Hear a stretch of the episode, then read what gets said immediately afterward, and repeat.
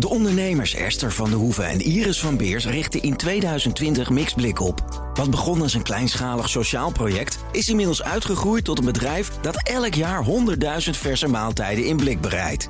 Esther en Iris helpen hiermee migrantenvrouwen op weg naar een betaalde baan. Maar welke inzichten helpen hen bij een gezonde groei van het bedrijf? Je leest het op partner.fd.nl slash exact.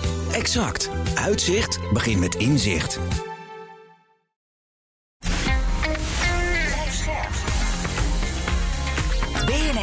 Nieuwsradio.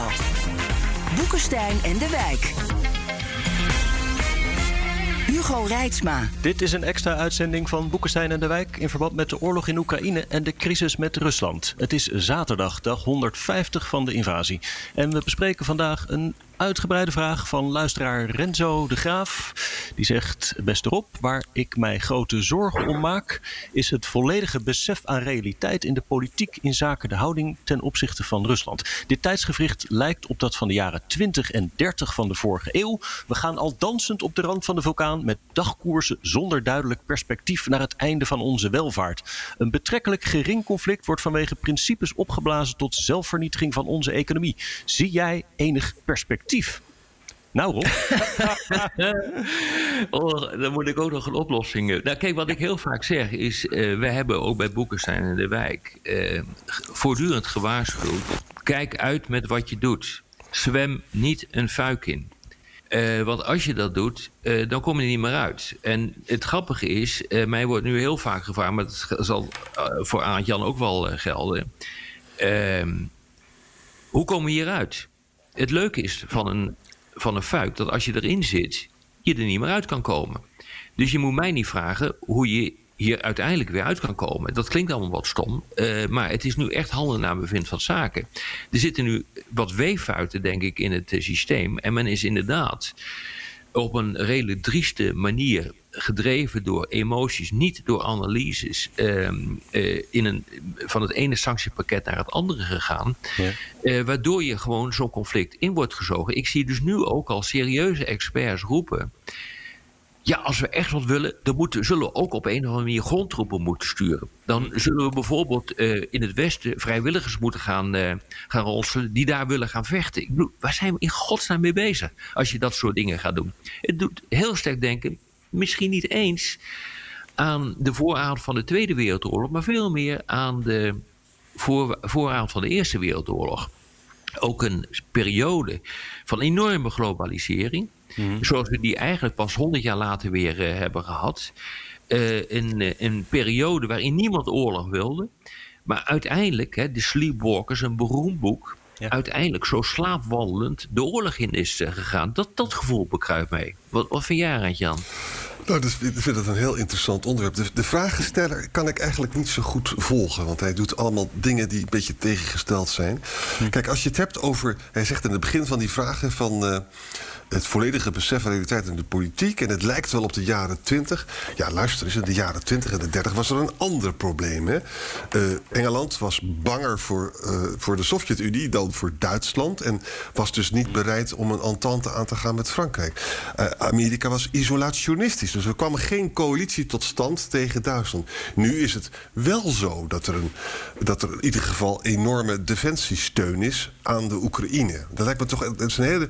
Interbellum is gewoon een slechte vergelijking. eh, Ja, met- ik met- denk de Eerste Wereldoorlog is denk ik beter. Eh, toen En- wilde en- ook niemand oorlog en toen, toen, toen iedereen Ja. die, die, die ging er, ja, uiteindelijk kwam die daarin terecht. Kijk, de- vooravond van de Eerste Wereldoorlog en de Eerste is een voorbeeld van een escalatie. Hè? Ja. Je, je, wa- je gaat slaapwandelend, ga je in een oorlog. En dat is natuurlijk een onderwerp waar we veel over hebben gesproken in deze podcast ook. Hè? Namelijk, eh, als dus Poetin heel erg in het nauw zou komen te zitten en hij moet winnen, dan waren wij bang eh, voor de nucleaire escalatie. Hè? Iets wat overigens gisteren Lukashenko zelf over begon te praten, de Wit-Rus. hè. Oorlog moet stoppen, want er dreigt anders een kernoorlog. Laten we dit onderwerp ook, ook nog even uitdiepen, Rob. Van, het is Ja. nog steeds niet gebeurd. Hè? Nou, hoe, hoe zou je dat kunnen verklaren? Er was natuurlijk de afgelopen maanden was er sprake van hele kleine, maar toch gestage Russische vooruitgang. Dus het hoefde niet. Hè? Eh, zijn er scenario's waarbij dit wel zou kunnen gebeuren? Het zou kunnen gebeuren als dus echt Oekraïne de, de Krim zou naderen. Want dat zou zo'n ongelooflijk... Ja, maar dat zie ik niet gebeuren. Want met die HIMARS Ehm, en misschien met allerlei andere wapensystemen kun je wel dingen kapot maken in bezet gebied. Maar daarmee verhoog je bezet gebied niet. Dus je hebt militairen nodig om erin te gaan. En je hebt heel veel militairen nodig. Maar als je in het offensief gaat. Ja, dan heb je gewoon uh, misschien wel drie keer zoveel militairen nodig als ze verdedigen. Ja, dus uh, je ziet nu dat uh, uh, Rusland, zowel in het noorden als in het zuiden, maar ik heb ook het gevoel steeds meer ook in het oosten, uh, defensieve posities aan het innemen is en eigenlijk gaat afbakenen. En dat zou een opmaat kunnen zijn als het nou gaat over uh, hoe loopt dit af. Uh, een opmaat kunnen zijn naar een padstelling die, die door beide partijen geaccepteerd wordt. En die padstelling is er eigenlijk al de facto, maar nog niet helemaal. En ja, dan krijg je onderhandelingen over een over wapenstilstand. En vervolgens weten we niet meer wat er gaat uh, gebeuren. Want een vredesakkoord zit er ook niet in. Het wordt een uh, frozen, wordt een frozen conflict. Het, ja, die kans is natuurlijk vrij groot dat dat gaat gebeuren. En dan kun je gaan kijken naar de situatie in uh, Moldavië. Waar dat feitelijk ook aan, aan de hand is. Dan krijg je, hè, waar Transnistrië feitelijk onder controle staat van de Russen. Maar onderdeel is en blijft van, uh, uh, van Moldavië. Uh, we zien dat bij Georgië exact hetzelfde gebeuren. Ja, dan krijg je zo'n situatie. En dat er een, dat er een romstaat Oekraïne komt, waarbij de hele, hele Oekraïne erkend wordt, inclusief de Krim en de Donbass en welk gebied dan ook. Maar waar je, waar je feitelijk niet meer bij kan. Hm. Jullie hebben al verschillende elementen van de vraag van Renzo besproken, maar ja. eigenlijk nog niet de, de, zin waar ik het meest over struikel. Dat was een betrekkelijk gering conflict dat wordt opgeblazen. Is nou Oekraïne ja. zo betrekkelijk? Nou ja, dat is echt een goed, uh, uh, uh, dat is echt een goed punt. Het antwoord is in feite ja. Uh, voor, de Russen, voor de Russen, uh, als je naar de Russische militaire doctrine kijkt, die maakt een heel groot onderscheid tussen verschillende soorten conflicten. Dit is een lokaal conflict voor de Russen. Vandaar dat ze ook niet gaan es uh, escaleren naar een totale mobilisatie. En dus alle middelen die ze hebben gaan inzetten om Oekraïne te kunnen veroveren. dus ja, voor de Russen is het een lokaal conflict mogelijkerwijs uh, uh, krijgt het de trekken van een regionaal conflict, maar van een grote oorlog zeker niet. Voor Europa en voor Amerika geldt dat ook.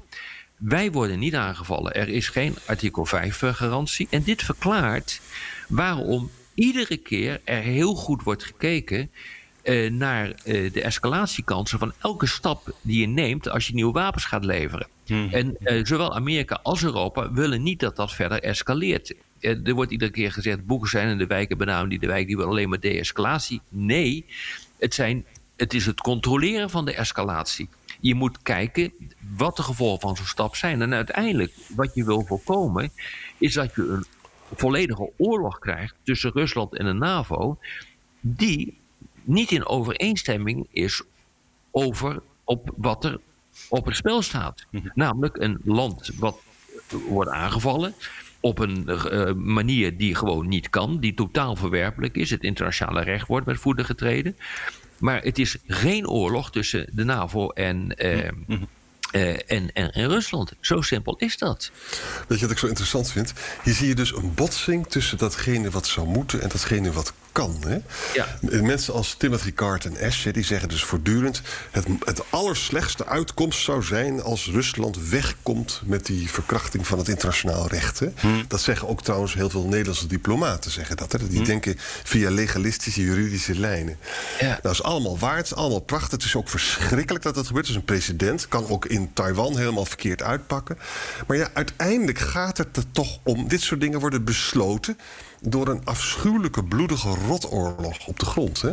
Ja. En, en, en, wat zijn je principes nog waard als het je gewoon niet lukt om uh, uh, Rusland uit Oost-Oekraïne te jagen? En, en je de bereidheid niet hebt, Arend Jan, ja. om, ja.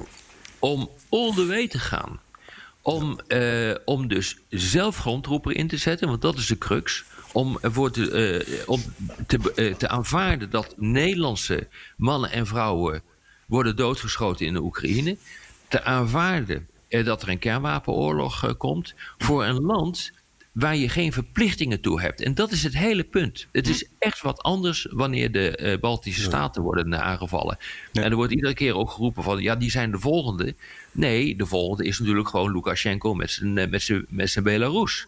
Uh, dat is het volgende slachtoffer dat uh, volledig wordt uh, geïncorporeerd. Mhm. Althans, voor zover we het nu kunnen zien. maar daarmee wil ik dus absoluut niet bagatelliseren van wat daar, ehm, wat daar gebeurt. Maar je, je, moet in de internationale betrekkingen altijd kijken: zijn je vitale belangen op, staan die op het spel, ja of nee? De vitale belangen van Europa staan niet hier op het spel, omdat wij niet worden aangevallen. Dat is, dat is het hele punt. Ja. Ja, om nog even die andere school een beetje te verdedigen. Je moet het, dit ook afwegen tegen het destabiliserende effect in de wereld. van het feit dat Poetin hiermee wegkomt. Hè? Ja. Maar ja, maar als je dat doet, dan. Het valt mij ook. Dat vind ik toch ook wel interessant hoor. Dat Kazachstan en zo, die Armenië, Azerbeidzjan nemen een beetje afstand van Poetin. Ja. Ja? Ja.